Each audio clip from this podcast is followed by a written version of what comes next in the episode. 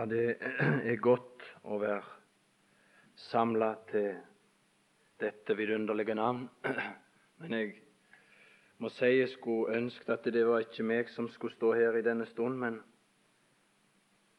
den som har holdt bibeltimer for oss de tidligere kveldene. Men når jeg skulle avlegge et vitnesbyrd om den Herre Jesus, så vil jeg gjerne lese ifra andre Mosebok i det 25. kapittel, om vi muligens ut ifra det skriftsted kunne tenke mer på Hans dyrebare navn. Ifra det 17. vers der.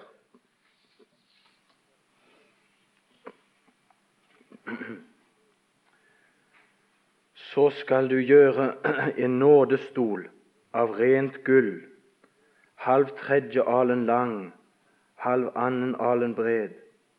Og du skal gjøre to kjeruber av gull. I drevet arbeid skal du gjøre dem og sette dem ved begge endene av nådestolen.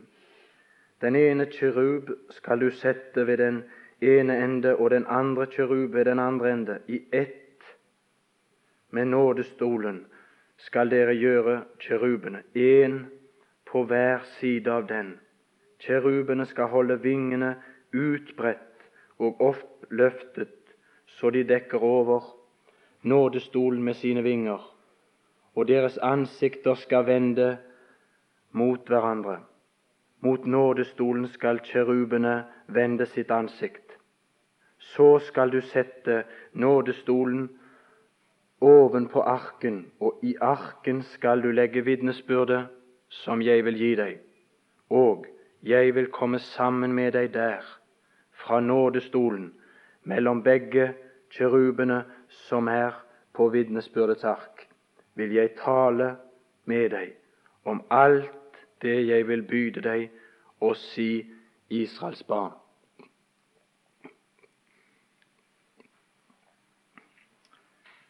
Vi som er samla her i dag, vi kjenner godt til at tabernaklet og alle de gjenstander som var der, de taler om Kristus, og de taler om Hans verk. For det står Johannes i det første kapittel der at og ordet ble kjød og tok bolig iblant oss står det i vår oversettelse, men om det oversattes mer ordrett, så skulle det stått og ordet ble kjød og tabernaklet seg iblant oss. Den Herre Jesus sjøl. Så alle disse ting i forbindelse med tabernaklet, de var ordna slik, så nøyaktig, og det var ingen tilfeldighet, for det står her i dette 25. kapittel i andre Mosebok i det siste vers. Se nu til at du gjør alt etter det bildet som ble vist deg på fjellet. Alt etter det bildet. Og det som vi har lest, nemlig om nådestolen. Så når Gud var så omhyggelig, så veldig nøyaktig, endog med de minste ting, ja, med ting som for oss kan synes som uvesentlige, så var det ikke uten en hensikt. Det var ikke uten med en hensikt fra hans side, som ordna det og viste Moses det. Det står i Hebreerbrevet, i det niende kapittel og i det åttende vers.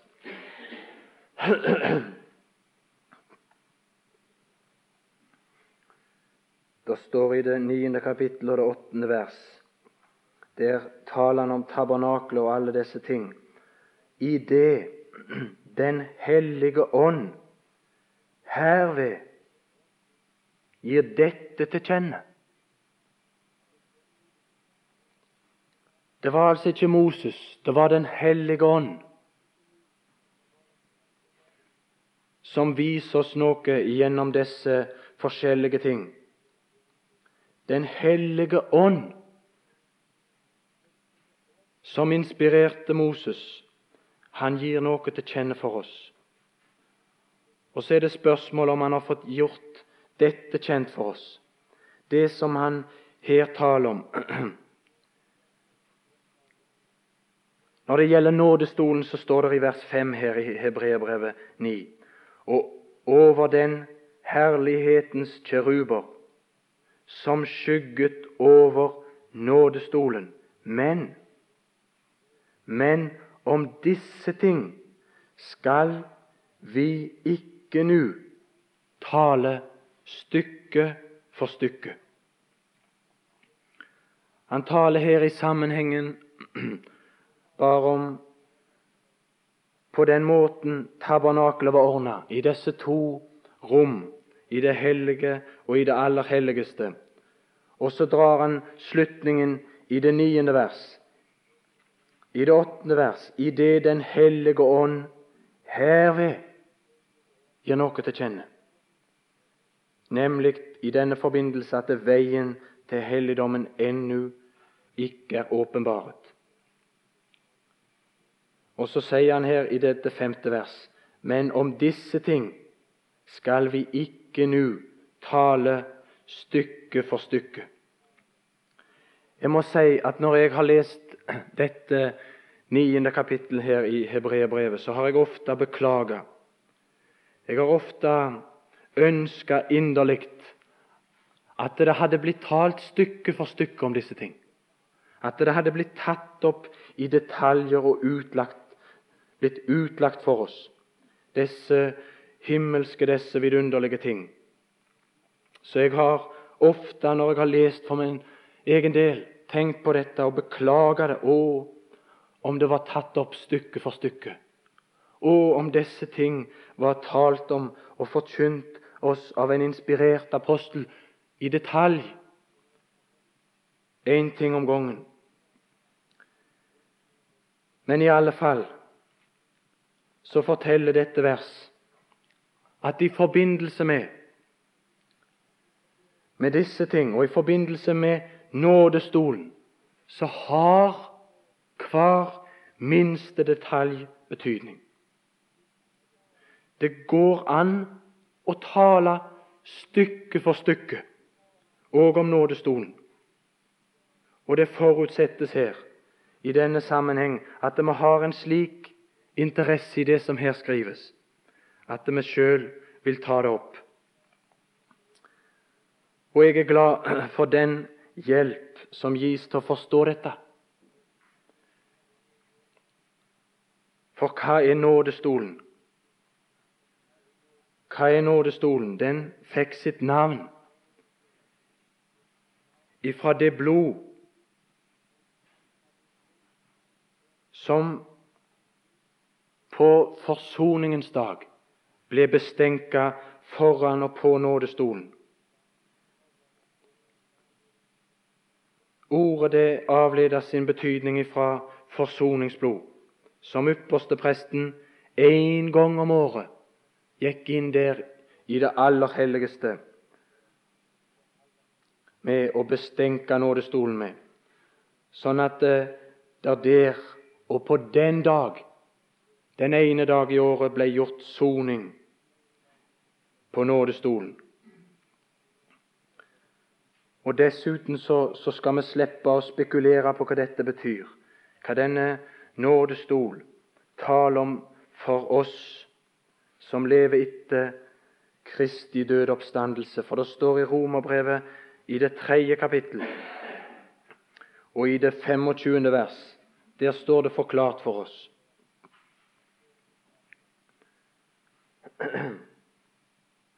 Romerbrevet, det tredje kapittel, og der det 25. vers. Kristus Jesus, som Gud stilte til skue i hans blod som en nådestol ved troen. Det er Kristus som er nådestolen men det er Kristus i hans blod.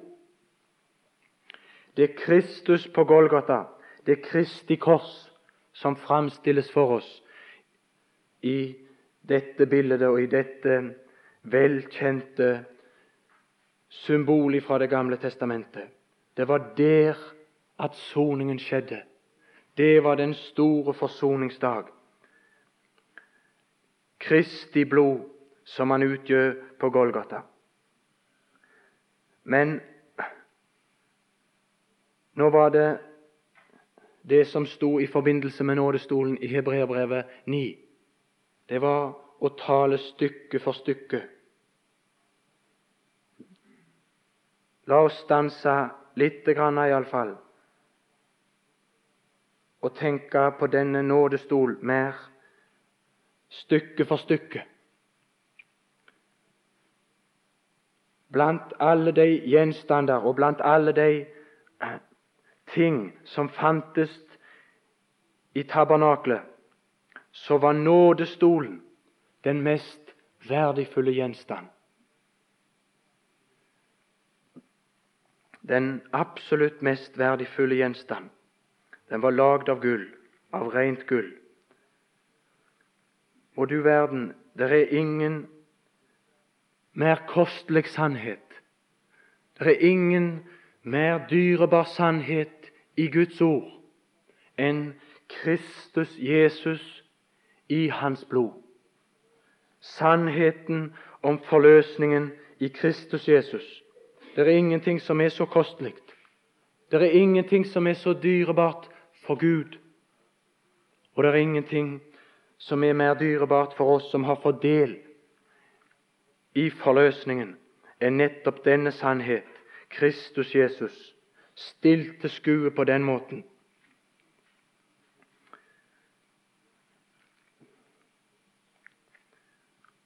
Og det står her i dette avsnitt som er lest, at nådestolen den skulle bli lagd av rent gull. Av rent gull. Og gullet, det er det edleste av alle metallene. Og det, det må vel være symbolet på den guddommelige herlighet. I alle fall når Johannes han skriver om det nye Jerusalem, så skriver han der i det 21. kapittel i åpenbaringen om at det, dette, det nye Jerusalem, det, det har Guds herlighet. Det har Guds herlighet, sier han der i det 11. verset i det 21. kapittel. Guds herlighet var der. Og, og den staden, den forklarer han litt etterpå. Staden var av rent gull. Og gaten i staden, den var av rent gull. Og det var den stad, den stad som var av rent gull, som hadde Guds herlighet. Så gullet, det må vel tale til oss om den guddommelige herlighet. Og, og, når vi taler om denne nådestol, den kosteligste gjenstand i hele tabernaklet, som var laga tvers igjennom av gull, av rent gull, så kan vi vel si at nådestolen, den har Guds herlighet. Den guddommelige herlighet er åpenbart på korset. Ja, det er ingen andre steder at den guddommelige herlighet har åpenbart seg som i den Herre Jesu kors. Der stråler det ut. Det står Vi kan ikke lese det, men det står i Johannes Johannes det 13. kapittel at nå er menneskesønnen herliggjort. Og Gud er herliggjort i ham på korset.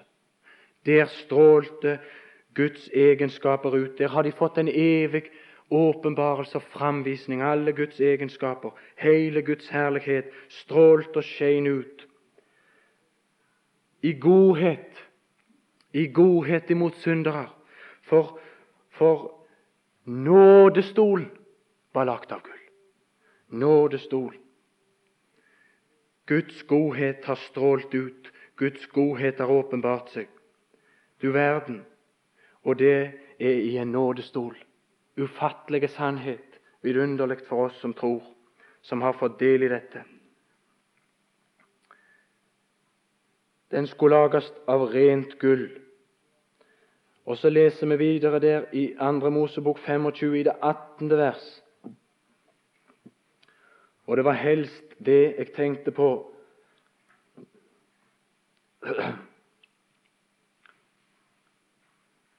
Og du skal gjøre to kjeruber i gull, av gull.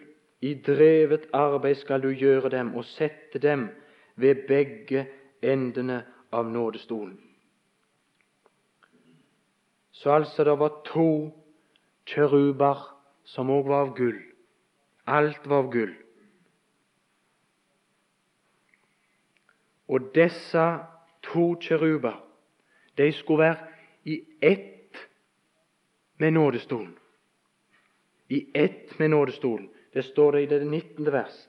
Den ene kjerub skal du sette ved den ene ende, og den andre kjerub ved den andre ende.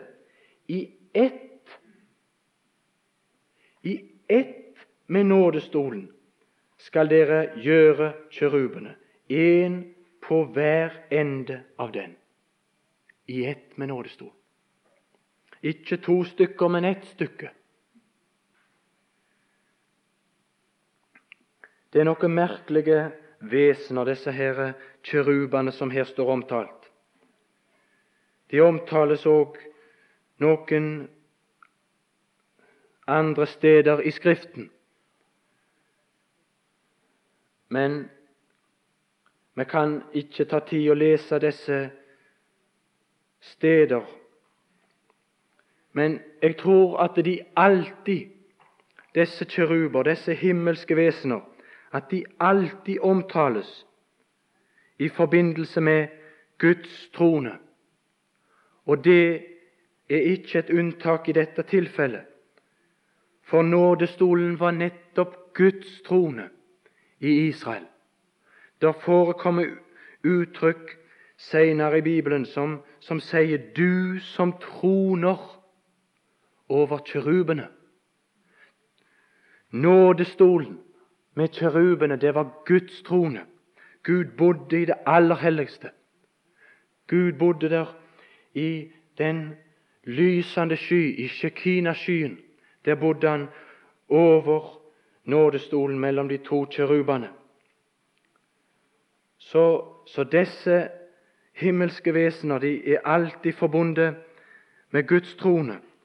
Det ser vi òg når vi leser i Åpenbaringen 4. Der forekommer disse, disse merkelige og mysteriske vesener igjen. Og Når en leser om de, så synes det å være klart at de uttrykker Guds trones den utøvende rettferdighet, symbol på denne trones ubøyelige rettferdighet. De skulle liksom se til at denne trones rettferdighet var og liksom forblei ukrenka. For, for om vi leser i Salme 89, så, så står det der i det 15. vers Rettferd og rett er din trones grunnvoll. Det var rettferd og rett som skulle beskytte tronen. Det var de som måtte holdes ukrenka. Men jeg må si at det har forundra meg sterkt at disse to kjeruber skulle være ett stykke med nådestolen. Disse kjeruber som er symbol og uttrykker den ubøyelige rettferdighet som denne tronen har, de er ett stykke med nådestol. La Gud nåde gå for rett. Hvordan kan Gud være både rettferdig og nådig? Hvordan kan Guds rettferdighet og nåde være ett? Gud kan ikke innvilge nåde til de skyldige. Ellers så blir hele hans trone kullkasta.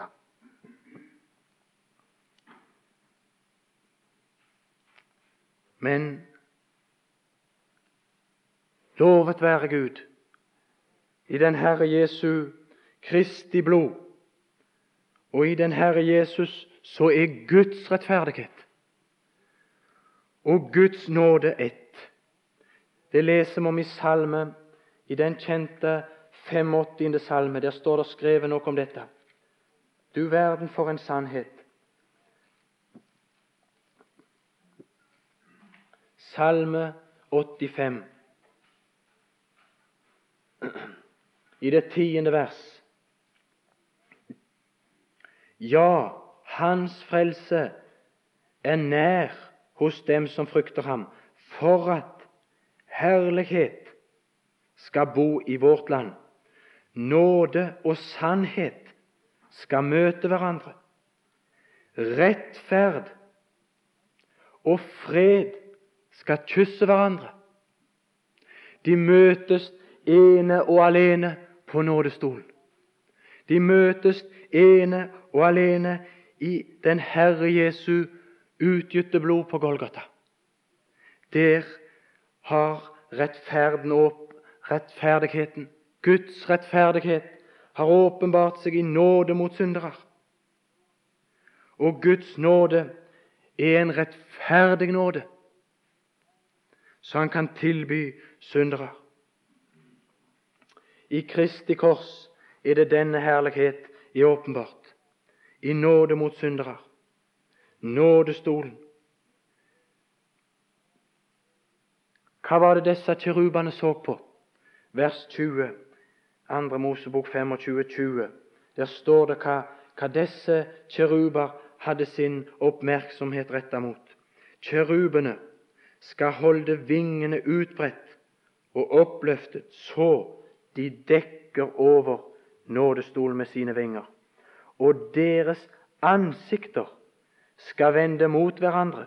Mot nådestolen skal kjerubene vende sitt ansikt. Mot nådestolen.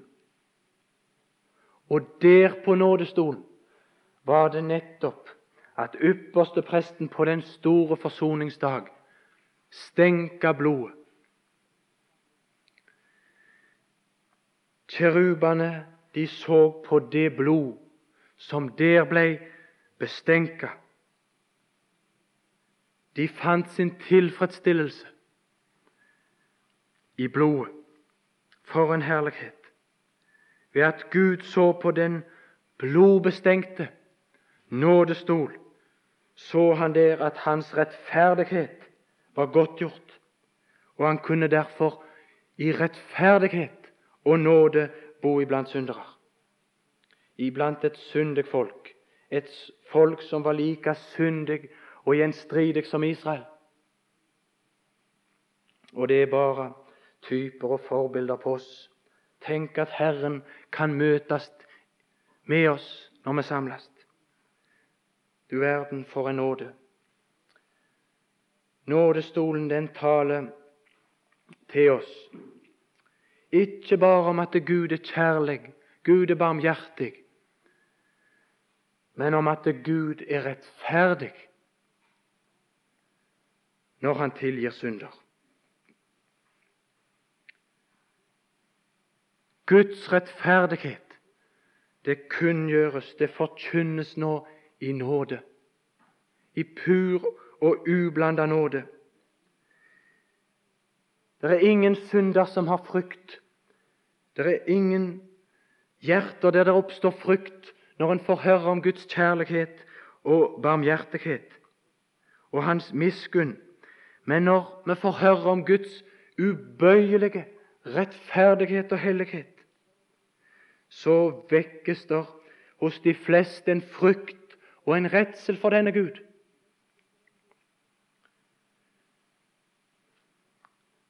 Men nettopp det at Guds rettferdighet åpenbarer seg i gode nyheter til syndere, det gir evangeliet en Guds kraft til frelse. For jeg skammer meg ikke ved evangeliet. Hvorfor? For det er en Guds kraft til frelse for hver den som tror, både for jøde først og så for greker.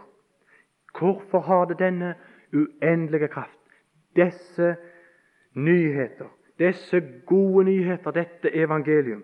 Hvorfor har det denne kraft? Vers 17.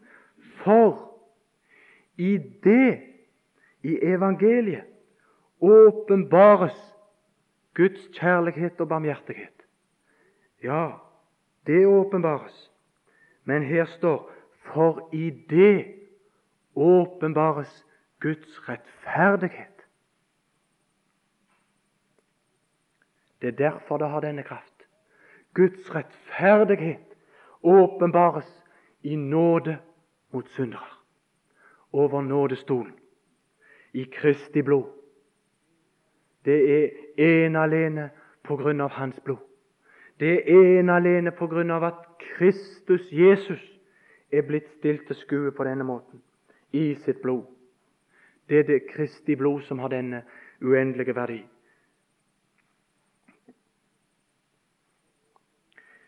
Disse kjeruber som, som var over nådestolen, de omtales i alle fall første gang i Første Mosebok, i det tredje kapittel der,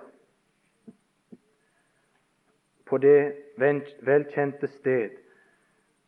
Første Mosebok, tredje kapittel og 24. vers.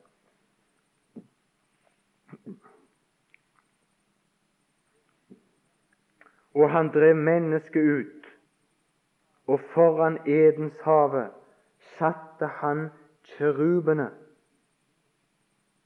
med det luende sverd som vendte seg hit og dit for å vokte veien til livsens tre. Her har kjerubene sverd. Luende sverd. Og det er for å vokte adgangen, står det her, til Edens hage. Guds rettferdighetsrepresentanter hadde sverd, luende sverd, for å brukes imot oss, imot oss, som ikke kunne ha anledning, for å hindre adgangen, for å holde oss ute. For et sverd, det er ikke noe forsvarsvåpen, men det er til å straffe med luende sverd. Det er det som er det framtredende her. Luende sverd. Men det som har velsigna mitt hjerte usigelig, det er at når vi leser i Andre Mosebok i det 25. kapittel og det 20. vers der, som er det neste gang dette, disse merkelige vesenene forekommer i Bibelen, så er det framtredende trekk kjerubenes vinger vingene. Der omtales ingen sverd, men det er vingene. Kjerubene skal holde vingene.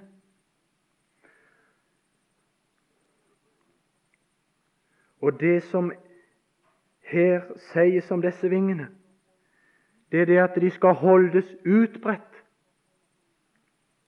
De skal holdes utbredt.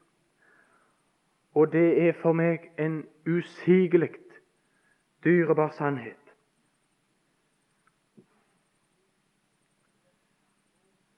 Ved å se dette her, så har jeg fått en fred som er som floden, en urokka fred. En fred som aldri kan uroes. Fred med Gud.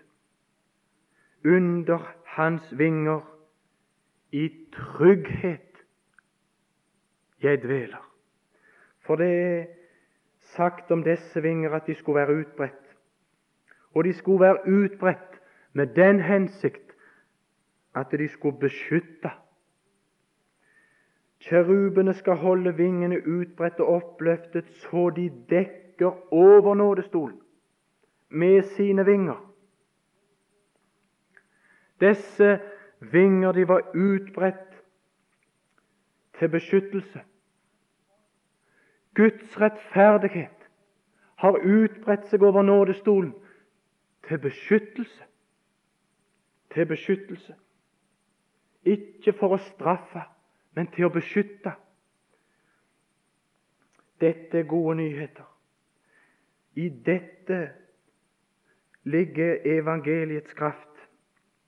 Det står noe i Ruths bok, i det andre kapittel, som alle vi som tror på den Herre Jesus, har gjort erfaring av. I så måte som har vi på samme vis som Ruth Herren gjengjelde deg hva du har gjort. Gi, du må få full lønn av Herren, Israels Gud, til hvem du er kommet for å søke ly under hans vinger. Hans vinger. Det er hans rettferdighet. Det er Guds rettferdighet som har utbredt sine vinger til beskyttelse for hver den som tror. Du verden, hvor godt det er å, å søke ly under disse vinger. Du verden, hvor godt det er å ha disse vinger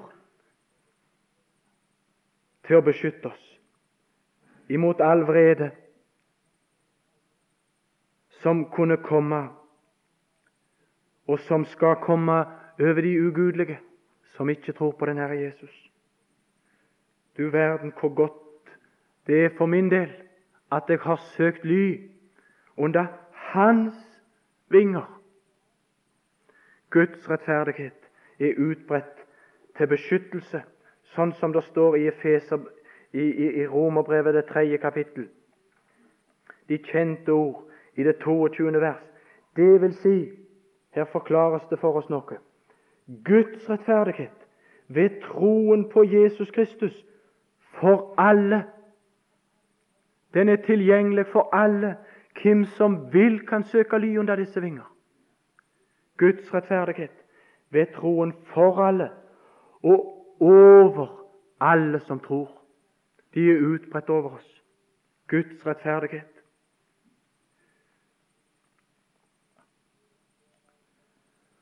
Og det står en annen plass at det der er legedom under hans vinger. Legedom for vår samvittighet. Men det var et skriftsted til i Salme 63 som jeg har erfart. Salme 63 og det åttende vers. Dette har jeg erfart i likhet med David.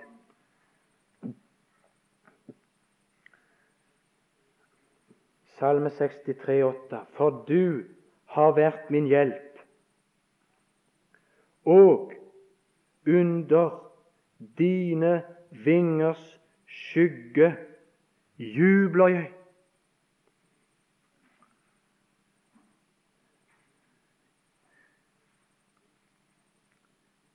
Det er i sannhet at der har jeg funnet den dypeste gleden som har kommet inn i mitt hjerte det har vært når jeg bevisst har kunnet satt meg under, i tro, under disse vinger. Beskytta i trygghet og kunne hvile der. Da har det kommet en glede som ikke er en verslig glede, men som er en usigelig glede. En glede som bare har begynt.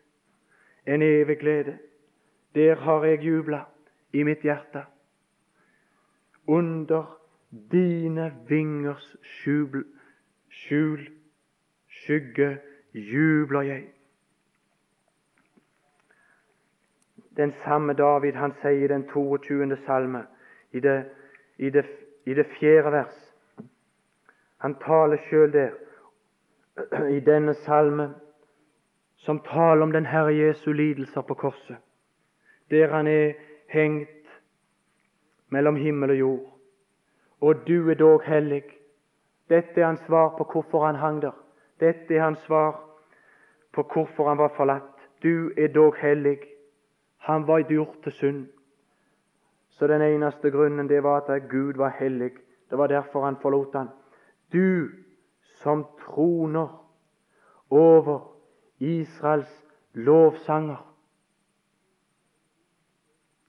Du som troner over Israels lovsanger. Hvor er det Gud troner?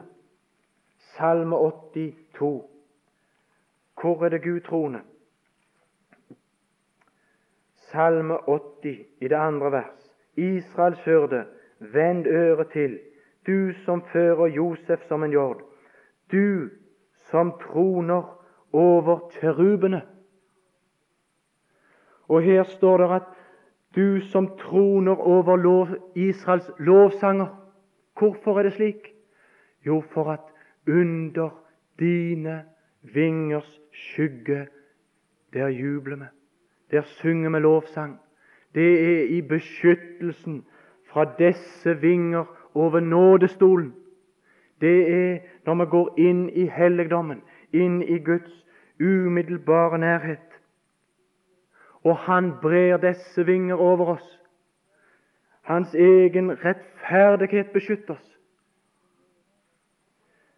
Så nåden den kan strømme uten hindring oss i møte som syndere. Israels lovsang. Gud trone over Israels lovsang. Gud trone over kirubene.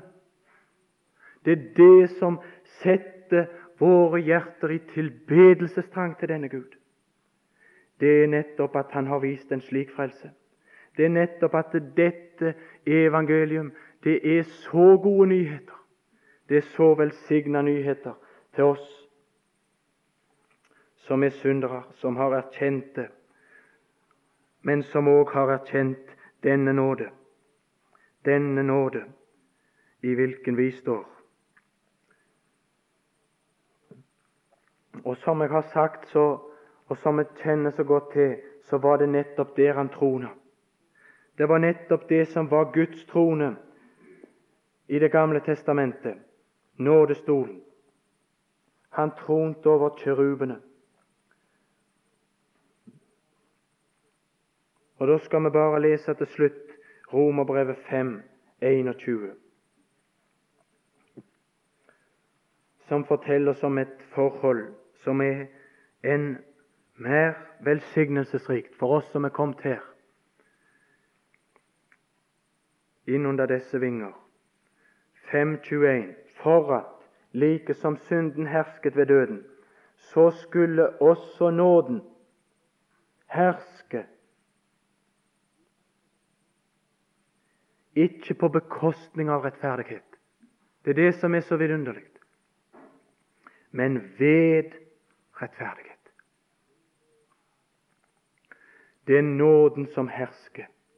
Det er nådestolen. Det er nådens trone.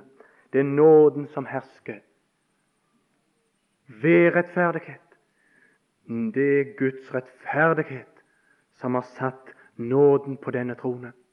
Og den hersker og skal herske i hele dette velsignede nådens år. Var det noen som ennå ikke har trodd på den Herre Jesus, må du søke ly om enn i denne dag under disse vidunderlige og velsignede vinger skal vi be og takke Gud. Vi takker deg, evige Gud og vår Fader, for at vi som er samla her, har kommet under disse vingers beskyttelse. Lovet være ditt navn. Herre Jesus, det er ene og alene i ditt blod at det er slik velsignelse som du har tildelt oss. Med takk og med priser ditt navn i denne stund. Vi takker deg, Herre Jesus, for at du ville gå, at du ville dø i vårt sted. Vi takker deg òg for at vi får lov å samles i ditt navn i ditt eget dyrebare navn. Herre Jesus, velsign oss òg på kveldsmøtet, om det kunne komme noen som kanskje som Ruth kunne få sitt ly, sin beskyttelse, sin tilflukt til deg i denne kveld. Herre Jesus, velsign ditt eget ord i våre hjerter for ditt eget navns skyld. Amen.